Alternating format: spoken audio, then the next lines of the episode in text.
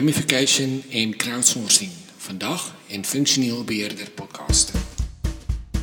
Hallo en welkom Functioneel Beheer podcast seizoen 1 aflevering 28. Vandag over crowdsourcing en gamification.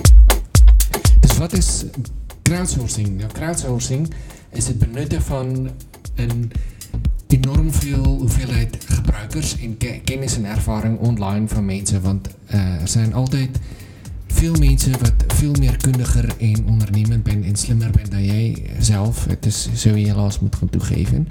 En dit kan je dan gebruiken om bijvoorbeeld verbetervoorstellen of producten te verzamelen, slogans te bedenken en, en nog van, alle, uh, van alles. Gamification daarentegen is toepassen van computerbeginsels, computerspelbeginsels en het doel daarvan is om betrokkenheid van jou consumenten, gebruikers of jou doelgroep te bereiken, uh, te bereiken. En daardoor kan je ook, ze ook motiveren om deel te nemen. En er zijn wel enkele voorwaarden, dus bijvoorbeeld die spel moet gezellig zijn, je moet, je moet interactief zijn, je moet daar iets van gaan leren en daar is ook vaak nog een soort van uh, reden waarom je daaraan wil doen, is dat je wil die wereld gaat redden en het geeft je bijvoorbeeld een goed gevoel. Een voorbeeld van een crowdsourced gamification spel is Waze. Het is een route app van Google en wat Google daarmee doen is ze verbeteren route navigaties in file, file gegevens en hoe je als speler daarbij betrokken wordt is eigenlijk net een computerspel. Je krijgt opdrachten om naar specifieke punten te rijden. Je verzamelt snoepjes, je moet uh, spoken achterna zitten. Het klinkt misschien best wel veel als de, Pokémon Go raadje van enkele maanden geleden. En LinkedIn gebruikt gamification in je profiel. Dus je kan met een balkje zien hoeveel prestatie van jouw profiel nog niet is ingevuld. En ja, dan geeft het een soort van behoefte om je profiel verder in te vullen. En hoe houdt dit nou zich tot functioneel beheer? Nou, ik zou denken je kan het makkelijk gaan toepassen bij kennisoverdracht en je kan het ook tijdens lopende projecten gaan gebruiken, want bijvoorbeeld in een Scrum heb je al heel veel van elementen van gamification. Je hebt een Scrum board, je hebt uh, story points en je hebt players, een multiplayer game. En wat je in Scrum doet is, elke speler krijgt bijvoorbeeld story point. En dat is eigenlijk wat Scrum doen, is dat je probeert jouw story points op te lossen en als geheel groep probeer je je somtotaal van die story points voor je sprint uh, op te lossen en die bundle chart uh, mooi gelijkmatig naar, beneden te laten lopen. Ja, dat, dat is wel uh, gamification. Maar iets waar ik zelf gamification bijvoorbeeld zou gebruiken is kennisoverdracht. Want wat ik vaak heb meegemaakt is, je moet als externe wordt ingezet en dan duurt het onwijs lang voor ingewerkt worden. Ik zou bijvoorbeeld beginselen gebruiken van een RPG zoals World of Warcraft. En in World of Warcraft moet je zelf steeds uitbouwen, steeds meer ervaring opdoen. En intrinsiek probeert de speler na te streven dat hij steeds beter wordt, vergoeding ontvangt, erkenning krijgen en kameraadschap krijgen van medespelers.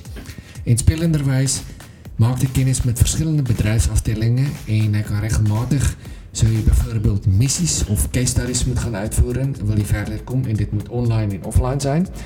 En daarbinnen kan je uh, vastgestelde kaders stellen waarin iemand gaat functioneren, net als een computerspel, zoals, zoals net zeg, zoals World of Warcraft of bijvoorbeeld Mass Effect. En elke speler, dus jij krijgt een rol waarin je specifiek goed wordt of beter worden. En als team heb je een gemeenschappelijke doel. En dat kan ook, net zoals gezegd, uh, enige doel zijn. In, in Scrum termen is het dit afronden van een werkend product. In de afronden van een gamification inwerkperiode kan je echt onwijs veel doorwerken. Onwijs veel missies wat je uh, kan doen. In een groter bedrijf is zoveel meer gespecialiseerde missies er zijn. En je kan bijvoorbeeld uh, het ultieme bereik van een mentor of je kan een elite niveau zijn, drakenslager. En waar kan je bijvoorbeeld gamification echt in de praktijk voor gebruiken met crowdsourcing? Er zijn bedrijven die bijvoorbeeld crowdsourced videoclips laten maken op YouTube met een positief bo boodschap. Bijvoorbeeld, enkele maanden geleden heeft Fanta in Nederland een combinatie opdracht gedaan met vloggers en Snapchat en publiek. En zijn doelgroep was alle leeftijden van 10 tot en met 15. Die moest dan een videoclip maken waarin jij met Fanta in beeld staan. En dat heeft echt enorm veel aandacht getrokken en ook gratis publiciteit. Een ander voorbeeld is bijvoorbeeld als je podcast-series, interview-series maakt, zoals ik nu doe, dan kun je ook feedback ontvangen van uh, mensen wat nu luisteren. En, en nog een voorbeeld is, uh, je kan, hoe je dit zou kunnen doen, is je hebt een, stel je hebt een product wat je wil gaan verkopen of een dienst net als Fanta, dan kun je bijvoorbeeld gaan folders uitdelen en laat mensen een doelstreven van wie die meeste folders heeft, heeft uit, uitgedeeld, krijgt een prijs of zoiets. En natuurlijk kan je ook het op verschillende manieren gebruiken, zoals bijvoorbeeld op Facebook. Of je kan YouTube videoclips laten maken door je community en, en nog veel meer. Maar ben je nu nieuwsgierig over crowdsourcing en gamification? Wil je misschien meer weten ook over crowdfunding? Want het is net weer iets aan de tak van de sport. Laat mij dan alsjeblieft weten. Mijn naam is Michiel Erasmus. Ik ben functioneel beheerder, Scrum Master, ondernemer van for Kids. En tevens ben ik ook direct beschikbaar als functioneel beheerder, fun ondernemer, al iets van alles.